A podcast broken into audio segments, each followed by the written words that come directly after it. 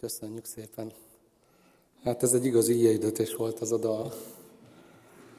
Könnyű kapcsolódni hozzá.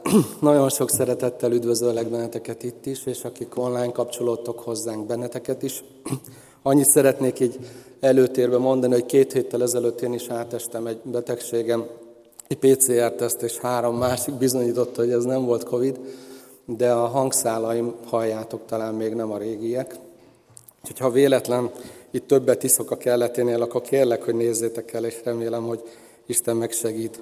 Na ma egy izgalmas témát hoztam nektek, ami egy picit kényes, és talán egy kicsit meglepő is lesz.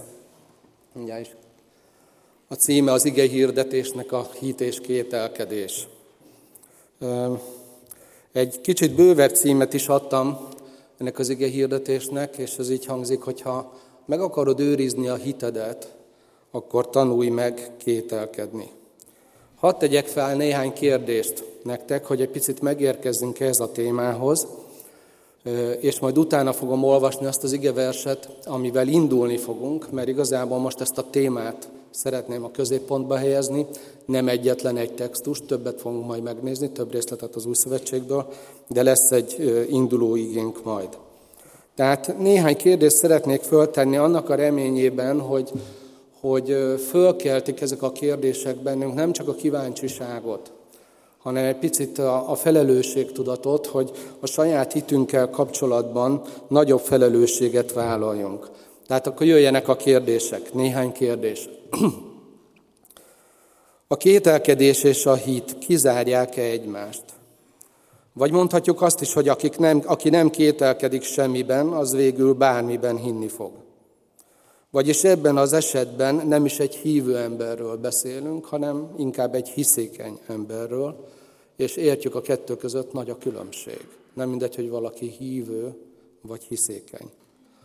A másik, fontos-e a lázadás az engedelmesség érdekében? Általában mi hívő emberek úgy határozzuk meg magunkat, hogy mivel hívő emberek vagyunk, szeretnénk engedelmesek is lenni. Ez egy fontos értéknek gondoljuk, úgy gondoljuk, hogy a hit és az engedelmesség, ez összekapcsolódik. De valójában gondolkodunk-e azon, hogy kinek és minek engedelmeskednek a hívők, amikor azt mondjuk, hogy mi ilyen lemes eleganciával, hogy hát mi Istennek engedelmeskedünk. Valójában kinek? Lehet-e úgy engedelmeskedni Istennek, hogy az élet sok más területén pedig ne lázadjunk valami más tekintéllyel szemben? Lehetséges-e? Ugye az Úr Jézus beszélt arról, hogy ennek a világnak van egy másik fejedelme. Sokféle tekintély aktív ebben a világban. Erénye önmagában a tekintély tisztelet. Vagy vannak ennek káros formái is. A hit és a tekintély tisztelet között szoros összefüggés van, ezt is úgy érezzük, hogy ez a két dolog nagyon szorosan összekapcsolódik egymáshoz. De kik azok, akiknek a szava eldönti, hogy miről mit kell gondolni, miben kell valójában hinni. A, a tekintély tisztelet önmagában tehát erény, vagy akár lehet az akár káros is. Erénye az engedelmesség, abszolút értelemben. Egyáltalán mit is jelent engedelmesnek lenni, és kikkel szemben kell engedelmesnek lenni. A kételkedés káros, vagy pont ellenkezőleg hasznos a hit szempontjából. Tehát ez a két dolog kizárja egymást, vagy nem. Miért akarok én ezekről a kérdésekről veletek gondolkodni egy kicsit, az igének a, a, az alapján? Hát először is azért, mert ez egy elég aktuális kérdés. Maszkban ülünk itt, benne vagyunk egy olyan helyzetben, ami az egész világot meghatározza, és elég csak fölmenni a Facebookra és látni azt, hogy mi minden zajlik ez ügyben az emberek közötti párbeszédben. Milyen gondolatok ütköznek egymással, milyen meggyőződések csatároznak egymással, és hát elég a, a hívőknek a Facebook bejegyzéseit is olvasni, hogy azért egy picit elgondolkodjunk azon, hogy volna-e helye mérlegre tennünk, hogy milyen alapon, kinek és miben hiszünk. Miközben vannak jogos félelmek ezzel az egész járványügyi helyzettel kapcsolatban, akár, hogy elegendő idő volt a vakcinákat tesztelni, egész odáig, hogy, hogy bizonyos politikai szereplők ezzel a helyzettel hogyan akarnak visszaélni, és a társadalmakat a saját kényű kedve szerint formálni. Mégiscsak látnunk kell azt, hogy keresztjének hisznek abban többen, hogy ezt az egészet csak egy háttérhatalom keltés, hogy azok, akik például az oltást fölveszik, azok a fenevad bélyegét veszik magukra, sőt, egy olyan mikrocsipet kapnak, amit majd aztán a fenevad aktivizál és használhatja az emberekkel szemben. Tehát olyan áltudományos és vallási, fanatikus elgondolások is összekapcsolódnak, amik döbbenetesek, és ezt nem a világ produkálja, ezt mi produkáljuk keresztjének. Tehát még egyszer mondom, miközben vannak jogos aggályok, és ezeket is meg kell hallani, és el kell gondolkodni rajtuk, hogy miről is szólnak ezek, és miért mondják azok, akik mondják. Mégis ezzel szemben a butaság is terjed, legalább olyan hatékonysága, mint maga a vírus. Tehát érdemes ezen gondolkodni. A másik, ami miatt úgy gondolom, hogy aktuális és fontos, erről egy picit már utaltam nektek, mikor volt a hétvégénk, hogy egy olyan időszak előtt állunk, itt vannak a küszöbön, itt van a választások, meg fog őrülni a társadalom. Annyi minden bekerül a közgondolkodásba, és meghatározza az embereknek a szemléletét, hogy mitől félnek, mibe hisznek, mibe reménykednek, kibe reménykednek, miért reménykednek bennük, hogy hát az döbbenetes lesz. És már most látszik, hogy, hogy itt nagyon nagy indulatok fognak elszabadulni. Fontos lenne, hogy mindeközben keresztjének, mi keresztjének, ne forduljunk ki magunkból. Nekünk is el kell gondolkodnunk sok-sok kérdésen, ami bizony jogos és aktuális. Mégsem szabad, hogy ez az egész kihozza belőlünk a legrosszabbat. Amikor a nyilvános társadalmi térben megszólal egy szereplő, legyen az egy médium, legyen az egy politikus, legyen az egy civil szervezet, valamilyen mozgalomnak az aktivistája, és mondjuk csak bedobja ezt a szót jelzőként, hogy keresztjén, akkor sokak számára ez elegendő, hogy el is higgyék azt, amit utána mond. Nem szabadna ezt tennünk. Fel kell készülnünk arra, hogy most a világ egy picit körülöttünk a feje tetejére fog állni, és Jézus szeretne valamit ebben az időszakban velünk kezdeni. És hát ami miatt ezt a témát előhoztam, mert a Bibliának van egy olyan tanítása, amit mi keresztjének, hát hogy mondjam, elfelejtettünk, vagy, vagy nem került be a mindennapos gyakorlatunkba, amit az ige tanít nekünk, és egyre nagyobb szükség lesz rá, főleg, hogyha behozom azt is, hogy az utolsó idők felé haladunk, és nagy lesz a jelentősége. Ez pedig az egészséges kritikai gondolkodás. Ezt a címet is adhattam volna a mai igéhirdetésnek, hogy az egészséges kritikai gondolkodás a Szentírás fényében. Rengeteg olyan globális társadalmi folyamat zajlik körülöttünk, a mi hazánkban is, de az egész világon, amiből nem tudjuk kivonni magunkat. Bennünket is érinteni fog, sőt már most érint. De hogy hogyan viszonyulunk ezekhez, és hogy hogyan tudnak ezek ránk hatást gyakorolni, és minket formálni, az nagyban függ attól, hogy amit a Szentírás arról tanít, hogy a hiszékenység és a hit ez nem ugyanaz. És hogy nem biztos, hogy helyes stratégia az, hogy azért, mert hívők vagyunk, mindent kritika nélkül elfogadunk. Ez egy nagyon fontos összefüggés a Szentírásnak.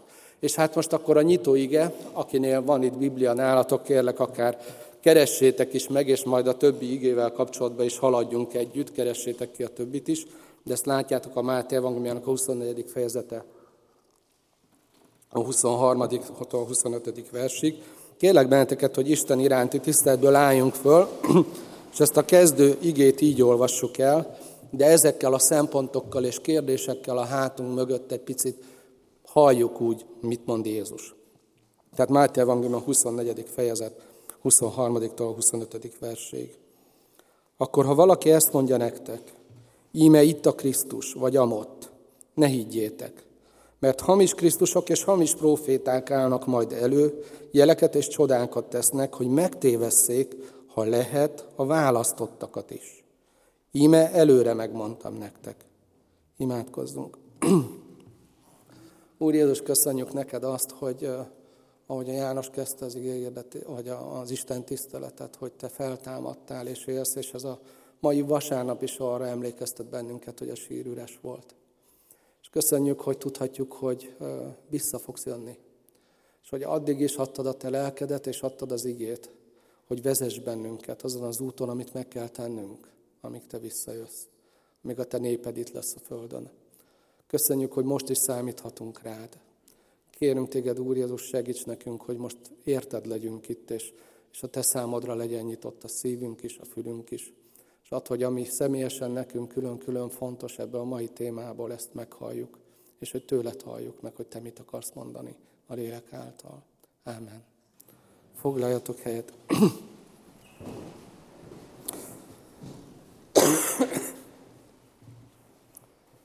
Nem tudom, látjátok a színeket, mert próbáltam pirossal kiemelni néhány dolgot, azért valamennyire talán látszik. Itt van ez a szó, ugye, amit Jézus mond, vagy ez a két szó, hogy ne higgyétek. Tehát miről van itt szó? Ha ma egy internetes portál számolna be erről a beszélgetésről, amit Jézus a tanítványaival lefolytatott ott a, a, az olajfák hegyén, valószínű az lenne nagybetűkkel kiemelve vastagon, hogy Jézus azt mondta a tanítványainak, hogy ne higgyenek. Ugye hát mondott ilyet, ott van pirossal kiemelve, de valami mással kapcsolatban mondta ezt. Hát nagyon komoly az, amit itt Jézus fölvet. Miről is van itt szó? Mi történik itt valójában? Hogyha ennek a néhány mondatnak az előzményét megnézzük, akkor azt látjuk, hogy Jézus Jeruzsálemben, a templomban volt a tanítványokkal, és amikor ott sétáltak, a tanítványok lenyűgözve a templomnak a méretétől, a szépségétől, oda mennek Jézushoz, és kezdik mondani neki, hogy hát ez fantasztikus, figyelj Jézus, neked is tetszik az egész. Jézus mond egy nagyon erős mondatot, ami úgy megragad bennük, azt mondja, hogy látjátok ezt? Itt semmi nem fog kőkövön maradni. És ezek után kimennek a városból, fölmennek Jézus egyik kedvenc helyére, az olajfák hegyére, Jézus leül, szemben a várossal, pont rálátnak a templomra, és a tanítványok oda mennek, és azt mondják neki, hogy ugye így olvassuk az előzményekben, a harmadik versben, itt a 24. fejezetben, hogy amikor Jézus az olajfák hegyén ült, oda mentek hozzá tanítványai külön, és ezt kérdezték. Mondd meg nekünk, mikor lesz ez, és mi lesz a jele a te eljövetelednek és a világ végének. Tehát a tanítványokat a végidők foglalkoztatták, a világ végének a kérdése, mert megértették, hogy amit Jézus mondott ott a városban, amikor a templomban sétáltak, az erre vonatkozott. Akkor is izgalmas téma volt a világ vége. Még nem csináltak róla filmeket, ugye ez egy külön műfaj lett, de már nagyon foglalkoztatta akkor is az embereket, hogy hogy is lesz ez az egész. És Jézus a válaszát a negyedik, ötödik versben így kezdi. Vigyázzatok, hogy ne, nehogy megtévesszem valakit titeket, mert sokan jönnek majd az én nevemben, és ezt mondják. Tehát ezek, amit itt a dián látunk, ezeket a 23.-25. versnek a gondolatainak, ez az előzménye. Az Úr Jézus, ahogy előre nézett a jövőbe, és a tanítványoknak a legfontosabb dolgot akarta elmondani azzal kapcsolatban, akkor három dolgot hangsúlyozott. Hogyha ezt a fejezetet végigolvassátok, és nézitek. Először is azt mondja el, hogy ahogy haladunk előre a történelemben, az emberiség, ahogy haladunk előre, egyre nagyobb kortünet lesz a megtévesztés. És mindent átható lesz ennek a jellege. Ugye, hogyha így gondolkodunk arról, hogy mi is vár az emberiségre és a történelem merre tart, nem biztos, hogy ez jutott volna eszünkbe. Inkább olyan dolgok, amikor itt a Dani beszélt, hogy meddig lesz benzin, lesz-e áram, ugye ez is egy nagy kérdés mostanában, hogy mi lesz most a télen. szóval sok minden eszünkbe jut, de Jézus azt mondja, hogy az első dolog, amit mondani akarok nektek, hogy a megtévesztésnek a jelentősége egyre nagyobb lesz. Hamis Krisztusokról, hamis profétákról beszél Jézus. Ez lesz ennek a belső természete. Az ötödik versben azt mondja, hogy mert sokan jönnek majd az én nevemben, akik ezt mondják, én vagyok a Krisztus, és sokakat elhitetnek vagy a 11. versben azt mondja, és sok hamis próféta támad, akik sokakat elhitetnek. Tehát Jézus az utolsó idők felé, ahogy halad a világ, azt mondja erről, hogy a megtévesztés nagyon nagy horderejű lesz, és ennek a természete az vallásos jellegű lesz. És ráadásul, amit Jézus hangsúlyoz, hogy ez a kereszténységből fog kisarjadni. Tehát nem azt mondja, hogy vigyázzatok, mert egy csomó hamis ideológia elönti a világot. Majd jön a, jönnek a buddhisták, és nyomják a maguk evangéliumát. Jönnek majd a krisnások, a muzulmánok, lesz itt mindenféle népvándorlás, és teljeszteni fogják majd az iszlámot. Nem erről beszél. Nem is világi ideológiákról beszél, és mondja, hogy a liberalizmus mindent le fog söpörni a föld színéről. Vagy megjelen, megjelenik majd az LMBTQ mozgalom, és tönkreteszi az identitását minden embernek.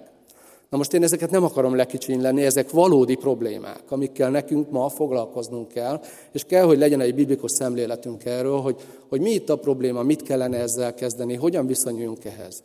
De Jézus nem ezekről beszél. A megdöbbentő az, hogy azt mondja, hogy a kereszténységből fog kisarjadni egy olyan hamis vallásosság, ami megtéveszt ezt az egész világot. Lehet, hogy ezt rosszul esik nekünk ezzel szembesülni és ezt hallani. De mégis valami ilyesmiről beszél itt Jézus, és azt mondja, hogy olyan vezetők fognak előlépni, politikai, egyházi, szellemi vezetők fognak előlépni, akik Jézusra hivatkozva fognak az embereknek bizonyos dolgokat mondani, és akarják őket vezetni. Tehát a megtévesztés nem csak a nem hívőket fogja veszélyeztetni, hanem magukat a hívőket is. Ugye itt a 24. versben azt mondja az Úr Jézus, hogy a cél az, hogy megtévesszék, ha lehet, a választottakat is. Tehát egyrészt egy keresztény terminológia fog feltűnni. Isten nevében mondanak dolgokat. Krisztusra fognak hivatkozni. Ugye ezek meglepő dolgok, de Jézus előre megmondja. És azt mondja, hogy ne higgyétek. Másrészt egyfajta spirituális erő fogja kísérni ezeket az embereket, akik vezetőként lépnek fel, és akarják a hatalmat maguknál tartani, mert azt mondja az Úr Jézus, hogy jeleket és csodákat is tesznek, és sokakat pont ezzel fognak megtéveszteni. Tehát ez a második kortünet, vagy az első kortünet, amit Jézus mond. A második, amit mond a 12. versben, ebben a fejezetben az, hogy a szeretet meghidegül sokakban. Ugye szó szerint azt olvassuk, hogy és mint hogy a, nyom, a, a gonoszság meghatalmasodik, megsokasodik, a szeretet sokakban meghidegül. Hát ma is látható ez. Társadalmak ma a nyugati kultúrában, amire azt mondjuk, hogy ez egy keresztény civilizáció, jellemző az, hogy hihetetlen mély szakadékok választanak el társadalmi csoportokat egymástól. Olyan mértékben félnek egymástól a különböző oldalon álló emberek, hogy ezt a félelmet leginkább a gyűlölettel hidalják át. Döbbenetes dolog. Pedig ez a keresztjén hátterű kultúra. És sajnos ebbe, akik valódi keresztjének, tehát mondhatjuk azt, hogy élőhitű keresztjének, belesodródunk szintén. Tehát amikor azt mondtam, hogy vigyázzunk, hogy ne forduljunk ki magunkból a következő fél évben, mert egy hihetetlen, komoly választási kampány elé nézünk, amiben rendkívül sok dolog lesz, akkor nem véletlen mondom ezt. Jézus azt mondja itt, hogy egy kortünet lesz, hogy a szeretet sokakban meghidegül. Nem szabad megengednünk. Nem kell egyetérteni valakivel valamiben, az teljesen rendben van. De nincs rendben, hogyha bárkitől, ha félünk, vagy ha úgy gondoljuk, hogy rossz oldalon áll, vagy rossz dolgot képvisel, gyűlölettel reagálunk rá.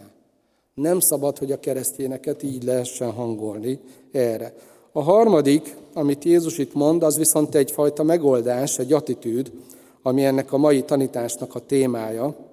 Ugye egy, egy hozzáállás, amivel védekezni lehet ezzel a megtévesztés elől, ellen és a gyűlölködés ellen, ezek, ezzel a két kortünettel szembe. És mi ez? Azt mondja az Úr Jézus, hogy vigyázzatok, hogy meg ne tévesszenek titeket. Vagy a másik, amit mond, ugye ezt mondja a negyedik versben, a 23. vers, hogy ne higgyétek. Ugye mindegyik mögött az van, hogy ő hivatkoznak, de amit Jézus javasol, az az, hogy ne, ne fogadjuk ezt el, hanem álljunk hozzá, amit ő ajánl, az az egészséges kritikai gondolkozás. Miért? Mert nem minden kereszténység valódi. Tehát, hogy ezt nagyon fontos nekünk az utolsó idő felé haladva, főleg így, hogy látjuk, hogy Antikrisztus készül előjönni a történelm során valamikor. Fontos tudnunk, hogy nem minden kereszténység valódi, és ennek a jelentősége egyre nagyobb. Mert sokan jönnek majd az én nevemben, és ezt mondják, mondja itt az Úr Jézus. Ugye mit jelent a keresztény szó? Azt jelenti Krisztusi. Sokan jönnek Krisztus nevében, és mondanak dolgokat. És Jézus azt mondja, hogy legyetek éberek, és ne fogadjátok ezt el. A gyakorlatban ez azt jelenti, amit már most is látunk, hogy a, a nyilvános társadalmi térben zajló kommunikáció megjelenik majd a kereszténységre, Krisztusra, keresztény értékrendre, keresztény történelemre, mindenre való hivatkozással. De Jézus azt mondja, hogy, hogy ne engedjétek, hogy port hincsenek a szemetekbe ezzel. Nézzétek meg, hogy mi az, ami valódi, mi az, ami tényleg Krisztusi, mert a világ egy olyan irányba halad, ahol a megtévesztés egyre nagyobb lesz, és ennek az alapja keresztjén jellegű lesz. Keressük a jellemet, keressük a gyümölcsöt, keressük azt, hogy azok a törekvések, amiket valakik hirdetnek, tényleg megteremtik egy normális társadalom alapjait. Mert hogy erről a Biblia beszél, az Ószövetségben a, a profétai tradíció elmondja, hogy milyennek kellene egy nemzetnek. Az új szövetségben olvassuk, hogy hogy kellene funkcionáljon egy, egy társadalom, és hogy miért is kell imádkoznunk a vezetőkkel kapcsolatban. Nem csak azt kell meghallani, hogy imádkoznunk kell, hanem azt is meg kell hallani, hogy elmondja ott a Szentírás a Timoteus levelébe, hogy milyen paraméterek azok, amik jellemzik egy normális társadalmat, és azok a jó vezetők, akik azokért dolgoznak. Tehát nekünk keresztényeknek ezt nagyon komolyan kell venni. Na mit jelent a hit? Összeegyeztethető-e vele az, hogy megkérdőjelezünk néhány dolgot, amit némelyek viszont azt mondják, hogy ez a kereszténység. Mit jelent a tekintélytisztelet, és kit kell követnünk? Ha ezekről nem jól gondolkodunk, akkor elég komoly problémák lehetnek. És hát szeretnék mutatni nektek egy, egy ábrát. Hát állítólag Arisztotelész mondta ezt, én egy francia filozófustól olvastam azt a gondolatot, amit ott olvastok. Azt mondja ő, hogy minden erény hegyorom. Ott látok egy hegycsúcsot, egy hegyormot, és két irányba le lehet csúszni róla, két olyan erény felé el lehet menni, ami annak a, a degenerációja. Tehát minden erény két irányba torzulhat, és torzíthat minket is egyébként, hogyha azt elfogadjuk. Például, hogyha a hitre gondolunk, az egyik oldalra lehet csúszni a hitetlenségbe, a másik pedig a hiszékenységbe. Egyik sem a hit. Az egyik a tagadásról szól, hogy nem hiszem azokat el, amiket Isten kijelentett, a másik hiszékenység felé való torzulást jelent, hogy bármit elhiszek, ha valaki ráfogja, hogy ő azt Jézus nevében mondja, vagy akarja, vagy képviseli. Ez az egyik. A tekintélytiszteletnél megint csak le lehet csúszni erről az erényről két irányba. Az egyik ugye az a lázadás, amikor mindegy, hogy miről van szó, én biztos, hogy lázadni fogok azzal szemben. A másik irány, amire le lehet csúszni, az pedig egy olyan alatvaló mentalitás, amikor úgy gondoljuk, hogy nekünk minden tekintét követnünk kell, mert hogy hát Isten adta, stb. stb. De azért olvasjuk az abcselben, amikor az apostolok azt mondták, hogy hát döntsétek már el, kinek kell engedelmeskednünk, nektek vagy Istennek. Szóval keresztjénnek lenni ott a hegyormon, ez azt jelenti valódi hit, valódi tekintélytisztelet, és ne engedjünk ezeknek az eltorzult formáinak. Ez viszont arra kényszerít bennünket, hogy vegyük komolyan azt, amit a Biblia tanít ezzel kapcsolatos felelősségről. Ugye a tekintély tisztelettel kapcsolatban például nagyon komoly történelmi példák vannak arra, hogy hova vezet az, hogyha az emberek a hitet a hiszékenységgel összetévesztik, a valódi tekintély tiszteletet pedig az ilyen alatvaló mentalitással összetévesztik. Nem tudom, hogy akik még nem láttátok ezt a képet tőlem, hogy tudjátok, hogy mi van itt. Mire tippeltek, mi ez? Micsoda? Kidobott ruhák,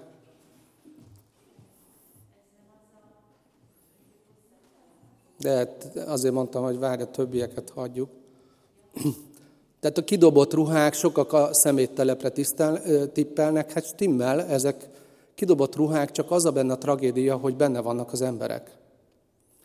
Ez egy szektának a, a szektáról készült kép, ugye, ami 1978-ban rázta meg a világot, Guyana-ban, ott van Brazília fölött egy kicsi ország, rákereshettek, ha akarjátok. Ennek volt egy szekta vezetője, Jim Jones, aki egy keresztény prédikátor, nagyon hatásos keresztény prédikátorként indult el, de az Egyesült Államokban nagyon sok kifogást emeltek vele szembe jogosan, és ezért ment el Dél-Amerikába. És a követői öngyilkosak lettek, ezek az emberek halottak, ott a képen, akiket látok. Tehát ruhák, de benne vannak az emberek. Egy iszonyú tragédia, több mint 900 ember halt meg ezen a, ezen a telepen. Azért, mert követtek valakit, hittek valakiben, a tekintély tiszteletük az gyakorlatilag egy egészségtelen működésre váltott. Miért történhetett meg ez? Azért történhetett meg, mert a hit az hiszékenységre váltott, a tekintély tisztelet pedig behódolássá torzult. Tehát az egészséges kritikai gondolkodás az teljesen ki lett iktatva ezeknek az embereknek az életében, és készek voltak követni a vezetőjüket ebben a döbbenetes sátáni, nem tudok mást mondani, akcióban. Elhitték neki, és öngyilkosak lettek. Szülők a gyermekeket, családtagok egymást. Gondoljátok végig. A vallási fanatizmus miatt. Tehát a hit az nem nélkülözheti az értelemnek a reflexióját. Nem nélkülözheti. Isten ajándéka az értelmünk, és Isten ajándéka az a sok minden, amivel megfontolhatjuk, hogy mikor fogadunk el valamit valódinak. És nagyon fontos döntés, hogy mit fogadunk el valódinak, mert nagyon messze menő következményei lesznek. Na, összhangban van-e a Bibliával?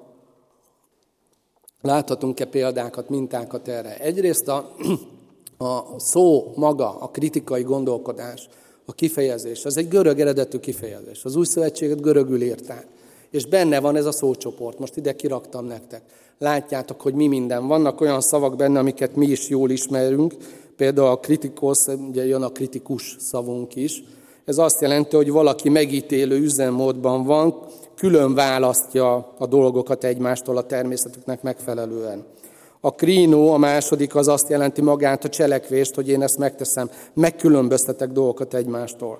A harmadik szó, ezt mi is használjuk, a krízis, úgy mondjuk mi, az új szövetségben, ugye ez a krízis, ez, ez egy olyan ítélethozatal, amit ma mi ugye leginkább egy nagyon megrázó erejű olyan ö, problémának tekintünk, akkor mondjuk, hogy ez krízis, hogyha az nagyon mélyen fölkavar mindent, és félünk, hogy tönkreteszi a dolgokat. De a lényege a krízisnek az az, hogy megkerülhetetlenné válik egy ilyen krízis helyzetben az, hogy, hogy megvizsgáljuk a dolgokat a lényegük mentén, és eldöntsük, hogy mi igaz, mi nem, és annak megfelelően próbáljunk a krízisből kijönni. Aztán ott van a, a, az utolsó előtti a kritérium, ugye mi úgy hívjuk, hogy kritérium, amikor vannak olyan lényegű ismertető jelei a dolgoknak, ami alapján el tudjuk dönteni, hogy hova való. Tehát a, ezt látva, és ezekhez mindekhez kereshetünk igeverseket is, tehát az új szövetség ezeket a kifejezéseket használja. Ez egy mindenestől bibliai gondolkodásmód és üzemmód, hogy használjuk azt, amit Istentől kaptunk arra, hogy a jót a rossztól megkülönböztessük, a valódit a hamistól szét tudjuk választani, a követendőt az elutasítandótól meg tudjuk különböztetni. Tehát a kritikai gondolkodás az nem más, mint ott be van keretezve, egy értékelő véleményformálás a dolgoknak a lényegéről. Különbség van a kritizáló lelkület és a kritikus gondolkodás között. Ugye a kritizáló lelkület, amikor valaki az élő fába is beleköt, mindegy, hogy miről van szó, ő keresi benne azt, amiben bele lehet kötni. A, a kritikus gondolkodás viszont az, amelyik keresi a dolgoknak a lényegét, és keresi az értéket és az értéktelent, külön akarja választani, az igazat és a hamisat. Mivel ez egy hatalmas téma, és egyébként nagyon sok mindent lehet találni ezzel kapcsolatban, nagyon jó könyvek vannak. Én most csak három igeverset akarok mutatni, ahol ez megjelenik. És mindegyik új szövetségi lesz, tehát hogy lássuk azt, hogy ez a gyülekezet számára egy nagyon fontos működési mód. Az 1 Korintus 10-15, ugye azt mondja itt Pál, hogy úgy beszélek hozzátok, mint értelmes emberekhez, ítéljétek meg, itt a krínó van, amit ott az előbb láttunk abban a listában, ítéljétek meg magatok, amit mondok. Ugye a háttérben az van, hogy volt egy vita a korintusi gyülekezetben, amit most nem akarok idehozni az idő miatt, de a lényeg, hogy azzal kapcsolatban Pál mond valamit, hogy szerinte mi lenne a helyes. De nem azzal az abszolút tekintéllyel lép fel, hogy a gyülekezetnek csak a behódolás marad válaszként, hanem arra appellál, hogy hát ti értelmes emberek vagytok, Isten annak teremtett benneteket, vizsgáljátok meg. Ugyanis a döntésetekért ti lesztek a felelősek. Én elszámolok Krisztussal, hogy mit javasoltam nektek. De nektek meg a követésért kell majd számot adnatok, hogy kit és miben követtek. Értelmes emberek vagytok, vizsgáljátok meg magatok, hogy ez így rendben van-e. Na most ez azért nagyon érdekes, mert ugye az, aki ezt mondja ennek a gyülekezetnek, az a korai egyháznak a legtekintélyesebb tanítója volt. Tehát ha valakivel kapcsolatban azt lehetne mondani, hogy hát, hát Pál az, az minden kritikán fölül áll, az ő volt. És ő nem igényelte ezt magának. Ő azt mondta a hívőknek, hogy ti felelősek vagytok a személyes hitetekért. Én most mondok valamit nektek, de ti feleltek azért, hogy hallgattok-e rá, vagy nem. Döntsétek el, vizsgáljátok meg. Úgyhogy ezt nem, látjuk az új szövetségben, hogy ez nincs ellentétben a valódi hitnek, sőt, pont, hogy támogatja az éret hitet, ami, ami felnőttés válik. Másik ige, az Abcsel 17, 11, 12. Ez ugye a béreai hívőkről szól. Szintén pálék prédikálják az evangéliumot, és azt olvassuk róluk, hogy ezek nemesebb lelkűek voltak, mint a tesszalonikaiak, teljes készséggel fogadták az igét, és napról napra kutatták az írásokat, hogy valóban így vannak-e ezek a dolgok. Sokan hittek tehát közülük, sőt, még tekintélyes görög asszonyok és férfiak közül sem kevesen. Tehát ebben az igében is figyeljünk meg néhány dolgot. Az első, hogy dicséretet kapnak. Amit itt a Szentírás mond, hogy ez a fajta kritikus gondolkodás, ami a bérejöket jellemezte, ez egy nemes lélekre val. Tehát nem azt mondta, hogy valahogy Isten szemet hunyt a fölött, hogy Pált oda küldte hirdetni az evangéliumot, és ezek az emberek nem csak meghajtották a fejüket, hogy tényleg így van, hanem fogták a maguk Bibliáját, az Ószövetségüket, és elkezdték ellenőrizni, hogy az, amit Pál hirdet, az összhangban van-e az írásokkal. És azt mondja erre Isten, hogy hát ezek nemes lelkű emberek. Másodszor, amit látnunk, hogy a kritikus gondolkodás mellett lehet nyitottnak maradni. Tehát itt az igaz direkt felhívja rá figyelmet, hogy ők valóban vizsgáltak, hogy így vannak ezek a dolgok, és hogy folytatódik? Hogy ezért sokan nem hittek Pálban, vagy Pál által hirdetett evangéliumban. Ugye nem ezt mondja az ige, pont az ellenkezőjét mondja. Azt mondja, hogy na és emiatt, mivel ők ezt megtették, többen lettek hívőké. Mert hogyha az igazságot vizsgálja valaki, akkor az igazság meg fogja őt győzni. És ez egy nagyon fontos alapvetése a kereszténységnek. Mi nem erővel, ugye maga az Ószövetségben mondja, nem erővel, nem hatalommal, hanem az Isten lelkével. Nincs mitől félnünk. Tehát, hogyha igaz, amiben hiszünk, amit gondolunk, akkor ez az igazság elég erős. És hát ezeknek az embereknek ez a kritikai gondolkodás a hitükhöz vezetett, nem a hitetlenséghez. Harmadszor, hogy ennek a kritikai gondolkodásnak volt egy eszköze. Azt olvassuk itt, hogy kutatták az írásokat. Vagyis Pál hirdette az evangéliumot, és összevetették az Ószövetséggel, a Bibliájukkal. Számunkra is a helyes, egészséges kritikai gondolkodásnak az eszköze az az Isten kinyilatkoztatott akarata, a Szentírás. Alkalmas arra, hogy eldöntsük a dolgokról, hogy mik is valójában. Végül látjuk ennek a gyümölcsét, hogy sokan hitre jutottak.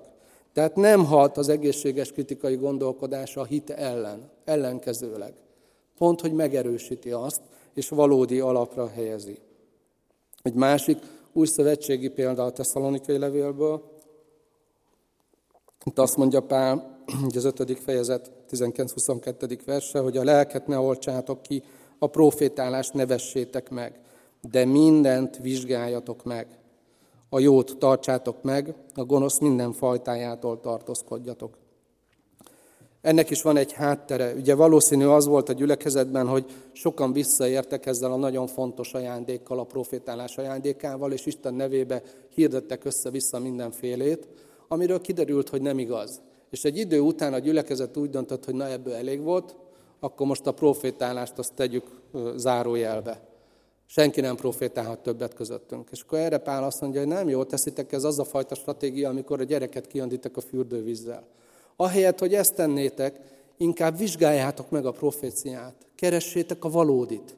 Keressétek azt, ami az Úrtól van, és annak engedelmeskedjetek. Szedjétek szét, különböztessétek meg a jót a rossztól, és a jót azt válasszátok, a rosszat pedig utasítsátok el. Ugye ez volt a háttérben. És itt van ez a gondolat, hogy mindent vizsgáljatok meg. Tehát ez a megvizsgálás, ez szükséges ahhoz, hogy megtaláljuk az értéket, megtaláljuk a valódit, megtaláljuk a Krisztusit, megtaláljuk azt, ami tényleg Istentől van. És felfedezzük azt, hogy vannak emberek, akik Isten nevében jönnek, akik Krisztusra hivatkoznak, de valójában, amit mondanak, az nem igaz. Az Efézusi, levél, az Efézusi gyülekezetnek küldött üzenet a jelenések könyvébe. Mi az egyik dicséret, amit kap a gyülekezet? Emlékeztek rá? Hogy megvizsgáltátok azokat, akik apostoloknak mondják magukat. És hamis apostoloknak találtátok őket, mert hogy tényleg azok. Tehát az első gyülekezet ismerte ezt, és tisztában volt ezzel, hogy ennek nagy a jelentősége. És nem csak a gyülekezetnek, hanem külön-külön nekünk személyesen a saját életünk az a miénk, mi kaptuk ajándékba Istentől. Nagyon nem mindegy, hogy mit fogadunk el igaznak, csak azért, mert ráfogják néhányan, hogy az keresztjén, amit ők hirdetnek, vagy amit ők szeretnének látni, vagy amire törekszenek. És hát ilyenből nagyon sok van, és sok lesz. Na négy dolgot szeretnék mutatni nektek, hogy az utolsó időkben haladva előre, ami zajlik mostanában, miért nagyon fontos az, hogy, hogy ez az egészséges kritikai gondolkodás működjön. Az első dolog, ezt a négy dolgot, az első dolog tehát az, hogy mi korlátok között vagyunk. Tehát azt kell mondjam, hogy egy tanító sem, egyikünk sem, aki prédikál, tanít, senki nem tökéletes, és minden, amit tudunk, amit Istentől kapunk, az töredékes a Szentírás szerint. Az 1 Korintus 13.9 ugye ezt mondja. Ezért mindenképpen kiegészítésre szorul. Tehát szükség van arra, hogy amikor egy ige hirdetést, egy tanítást, vagy valakinek a politikai programját, vagy én nem tudom én micsodáját halljuk, vagy olvasunk egy könyvet, tisztában legyünk azzal, hogy a legjobbak is töredékesek. Ez azt jelenti, hogy lehet, hogy valamiről nagyon jól beszél egy bizonyos szempontból, de mellé kéne tenni még valami mást, mert az a töredék még nem az egész kép, és kiegészítésre szorul. A másik dolog, hogy hát a legjobb szándék mellett is lehet tévedni. Ott van az Abcsel 18-26 Apollósnak az esete, ugye őt nem mondja tévtanítónak a Biblia, viszont azt mondja, hogy korrekcióra szorult. Akvilának és Priscillának maga mellé kellett venni, és még jobban kifejteni az evangéliumot, mert volt, amit jól értett Apostol, Apollos, de volt, amit félreértett, és korrigálni kellett. És hát ott van, amire az előbb hivatkoztam, jelenések 2-2, hogy bizony megjelenik egy hamisítvány is. Megjelenik a világban a hamisítvány az egyház oldalán. Hamis tanítások. Ez már viszont nagyon veszélyes, és erre ugye elutasítással kéne reagálnunk, de ahhoz, hogy el tudjuk utasítani, ahhoz kéne tudnunk, hogy mi a valódi. Ahhoz kell tudnunk, hogy jogos, szabad, sőt, Isten szerint az a, az a, az a ugye mit mondott, hogy a nemesebb lelkűek, hogy az az értékesebb keresztény hozzáállás, hogyha nem azonnal benyelek bármit, hanem végig gondolom, hogy tényleg úgy van ez, és véleményt formálok róla. Ami miatt nagyon fontos még, ez a kulturális társadalmi trendek, amikben haladunk. Tehát egyrészt ugye a valóság határai azok elolvadnak, egyre inkább körülöttünk. Itt gondolok például, most a fiatalok tudják, hogy miről beszélek, egy, a legutóbbi hír, hogy a Facebook nevet változtat, emlékeztek? Mi lesz a neve, az új neve? A Meta. Na hát akkor már tudjátok többen. De ugye a cél ezzel nem az, hogy maradjon olyan a Facebook, csak más legyen a neve, mint amilyen, hanem kitűzték a nagy célt, hogy létrehozzák a, a metaverzumot. Akik szeretik a filmet, ajánlom, hogy a Hasonlás című filmet nézzétek meg, mert az erről szól. Ugye az a nagy, lát, az a nagy látás, hogy az emberek fölké, fölköltöznek az online térre, és a, a különböző avatárjainkkal megyünk majd dolgozni, egymáshoz kapcsolódunk, stb. És ezt egy normális dolognak tartják némelyek. De már most fölolvadt a valóság és a, a nem valóság határa, hiszen rengeteg, főleg fiatalokat fenyeget ez. Élnek benne a virtuális valóságban, érzik otthon magukat. Ott ők különböző játékokban hősök. Hatalmas dolgokat visznek végbe. A való életbe pedig nem jutnak egyről a kettőre. Hát akkor hol fognak időzni? Egy olyan korban élünk, ahol fölbomlik a valóságos és a nem valóságosnak a határa. A másik, hogy fontosabb, egy olyan világban élünk, hogy fontosabb a, a vélemény, mint az igazság.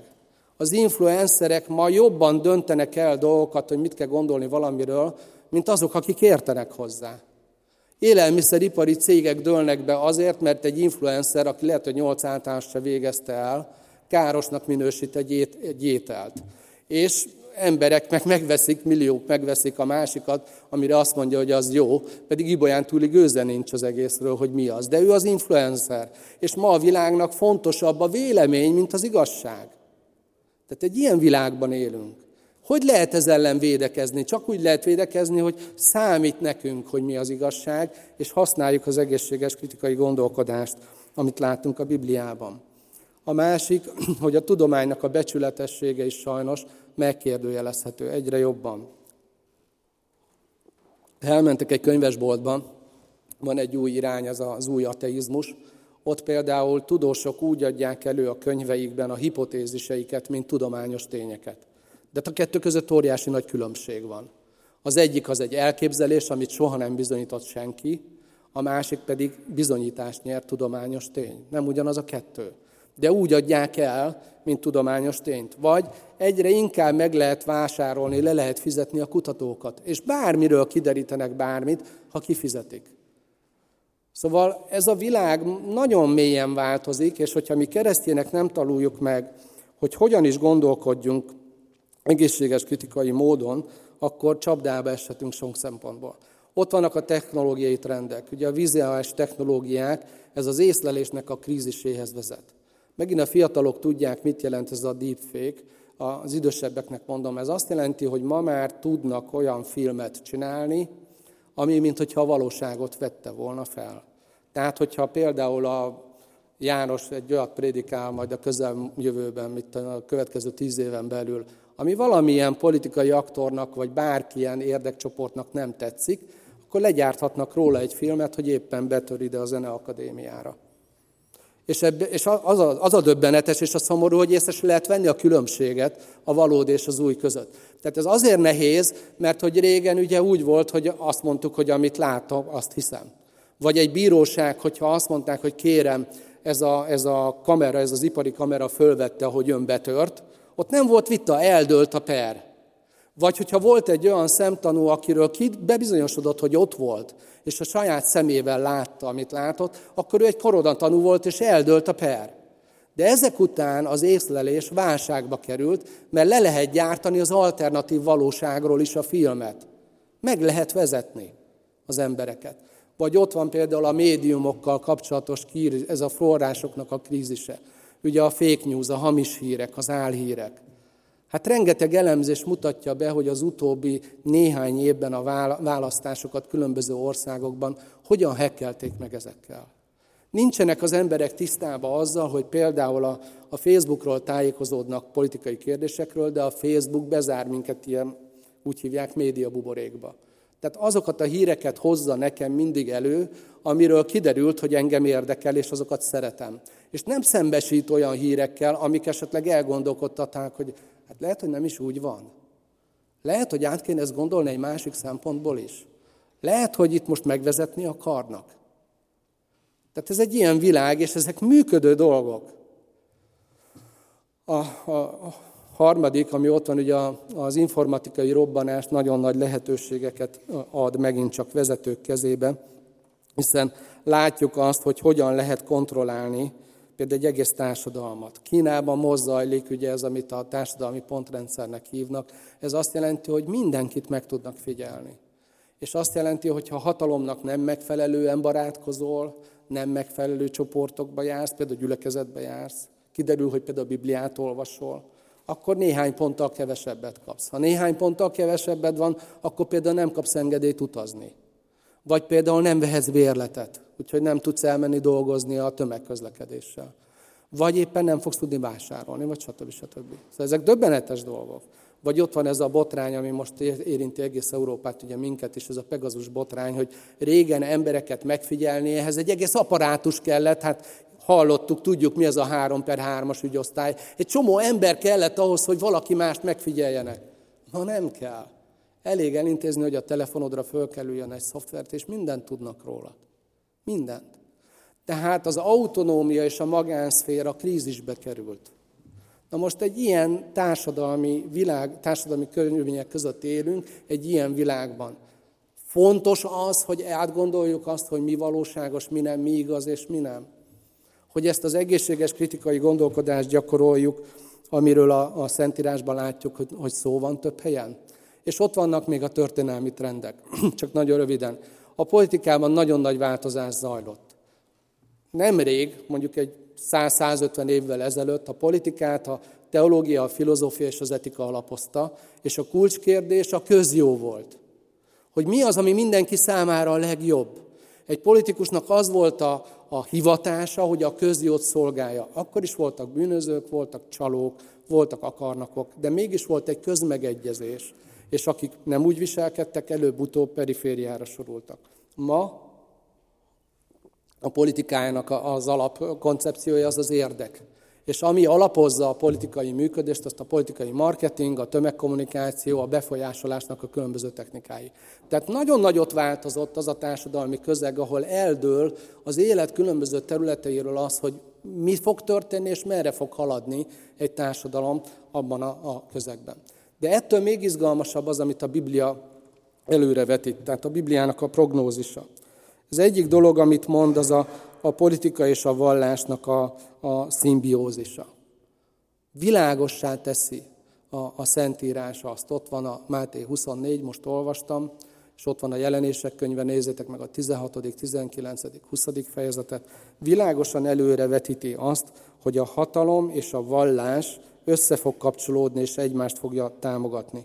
És ami ebben a legnehezebb, és nekünk a legkiózanítóbb, hogy ennek alapvetően keresztény gyökerei lesznek, hiszen antikrisztus vár, antikrisztusra vár a történelem.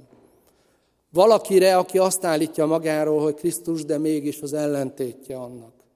Valaki, aki, aki meg tud ezzel téveszteni tömegeket.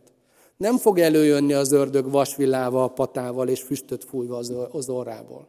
Úgy fog előjönni, hogy valakit Krisztusnak fog maszkírozni, és szeretné ezzel az Úr Jézus előrejelzni, hogy ha lehet a választottakat is megtéveszteni.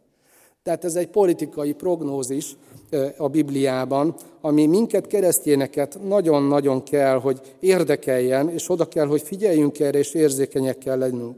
A másik, amit jelez előre, már többször említettem, a megtévesztés. Az Úr Jézus beszél róla, az apostolok beszélnek róla, jelenések könyve, ami a jövőről azért sok mindent elmond, beszél róla. Tehát nagyon-nagyon fontos. És a harmadik, amit előre jelez, hogy, hogy egy elbizonytalanodás lesz a hit lényegében. A világképeknek az alap pillérei meginognak, ugye a technológia az mindenhatónak tűnik, és nagyon átrajzolja, hogy az emberek mit gondolnak a világról. Tehát látva ezeket a trendeket, amik zajlanak, amiben mi benne élünk, nagyon fontos a Bibliának ez a figyelmeztetése, amit itt az Úr Jézus is mond, és látunk az apostoloknál is.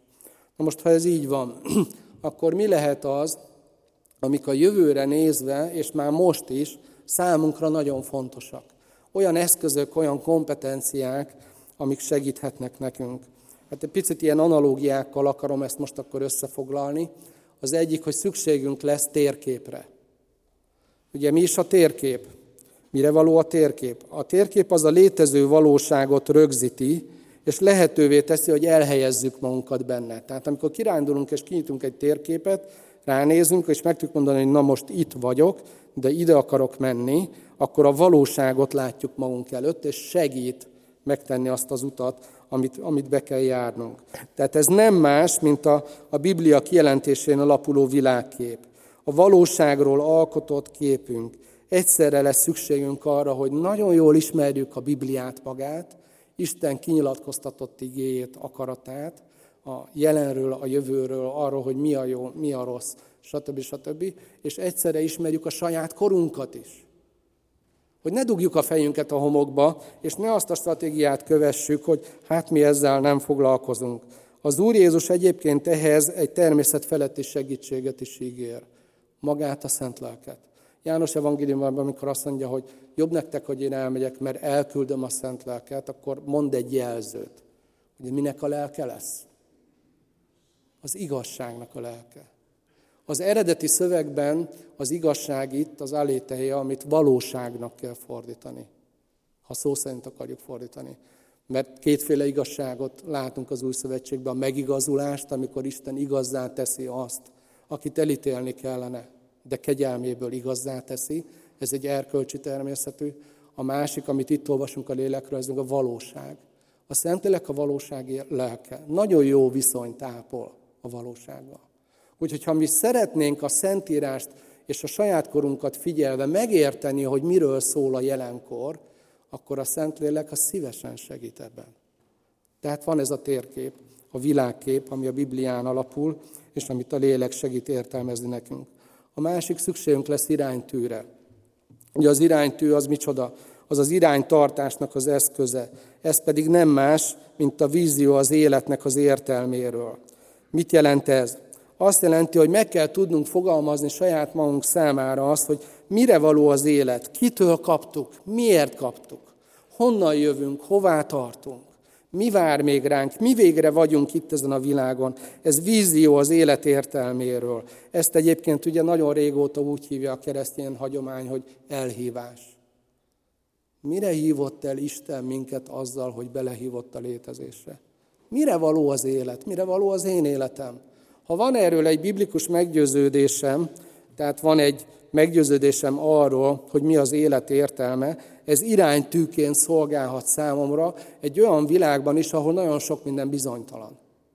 Mert hogy tisztáztam, hogy miért vagyok itt. Az előbb a térképen látom, hogy hol vagyok, van egy világképem, és van egy meggyőződésem arról, hogy én miért vagyok ebben a világban. Tehát ez a második, amire nagyon nagy szükségünk lesz. A harmadik pedig az, ami ennek a mai igéhirdetésnek a témája volt, az egészséges kritikai gondolkodás. Nagyon-nagyon nagy jelentősége van, és még nagyobb lesz a jövőben. Ugye az Úr Jézus itt azt mondta, hogy vigyázzatok, nehogy megtévesszen benneteket valaki.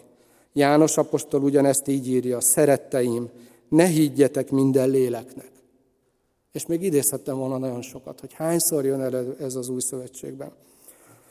Szóval, ha a jövő keresztény generációja ezeket komolyan veszi, akkor van esély rá, hogy nem fog eltévedni a Krisztus követésében, és hogy valóban Krisztusi marad, és nem egy hamis keresztény ideológiának lesz a, a, az áldozatává, hanem a valódi kereszténységet éli, abban a közegben is, ahol elbizonytalanodik, hogy mit jelent a valódi és mit nem.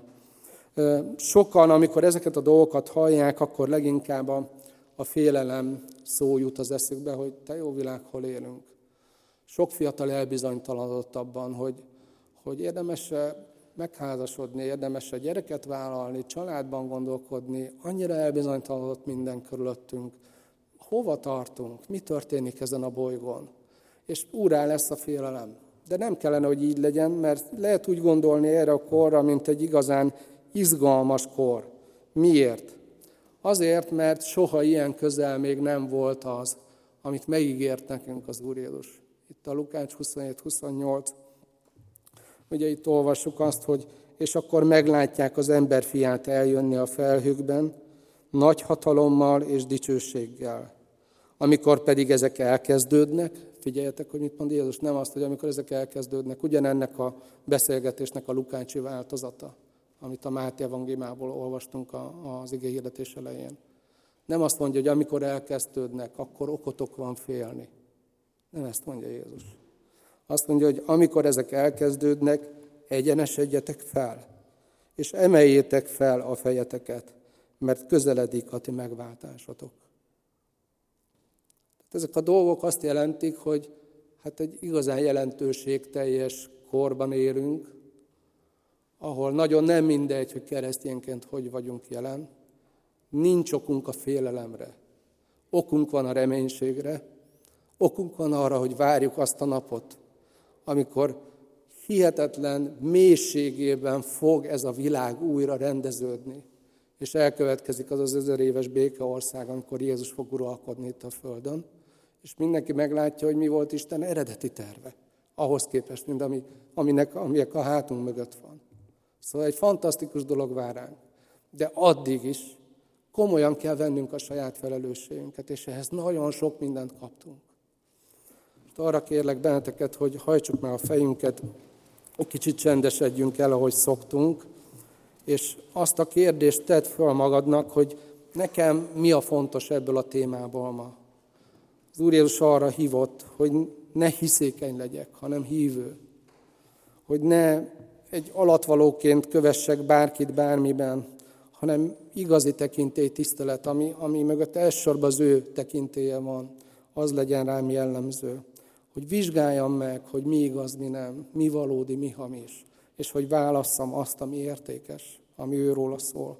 hogy ha én keresztény vagyok, tényleg azt jelentse, hogy Krisztusi vagyok. Ha mi gyülekezetünk keresztény, tényleg azt jelentse, hogy Krisztusé, a valódi Krisztusé, és nem egy hamis Krisztusé. Válaszoljunk csendben így Istennek, és egy pici csend után befejezem imádsággal.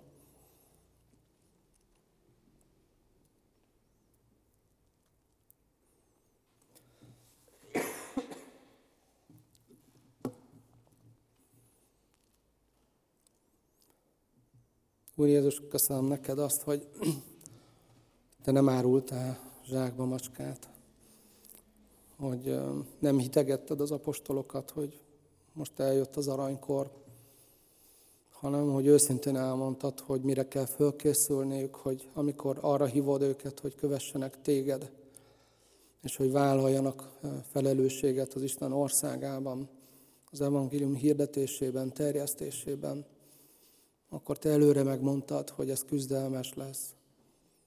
És köszönjük, hogy minket sem vezettél félre. Hogy a Biblia tele van a figyelmeztetésekkel, hogy vigyázzunk, mert megtéveszteni akar bennünket az ellenség.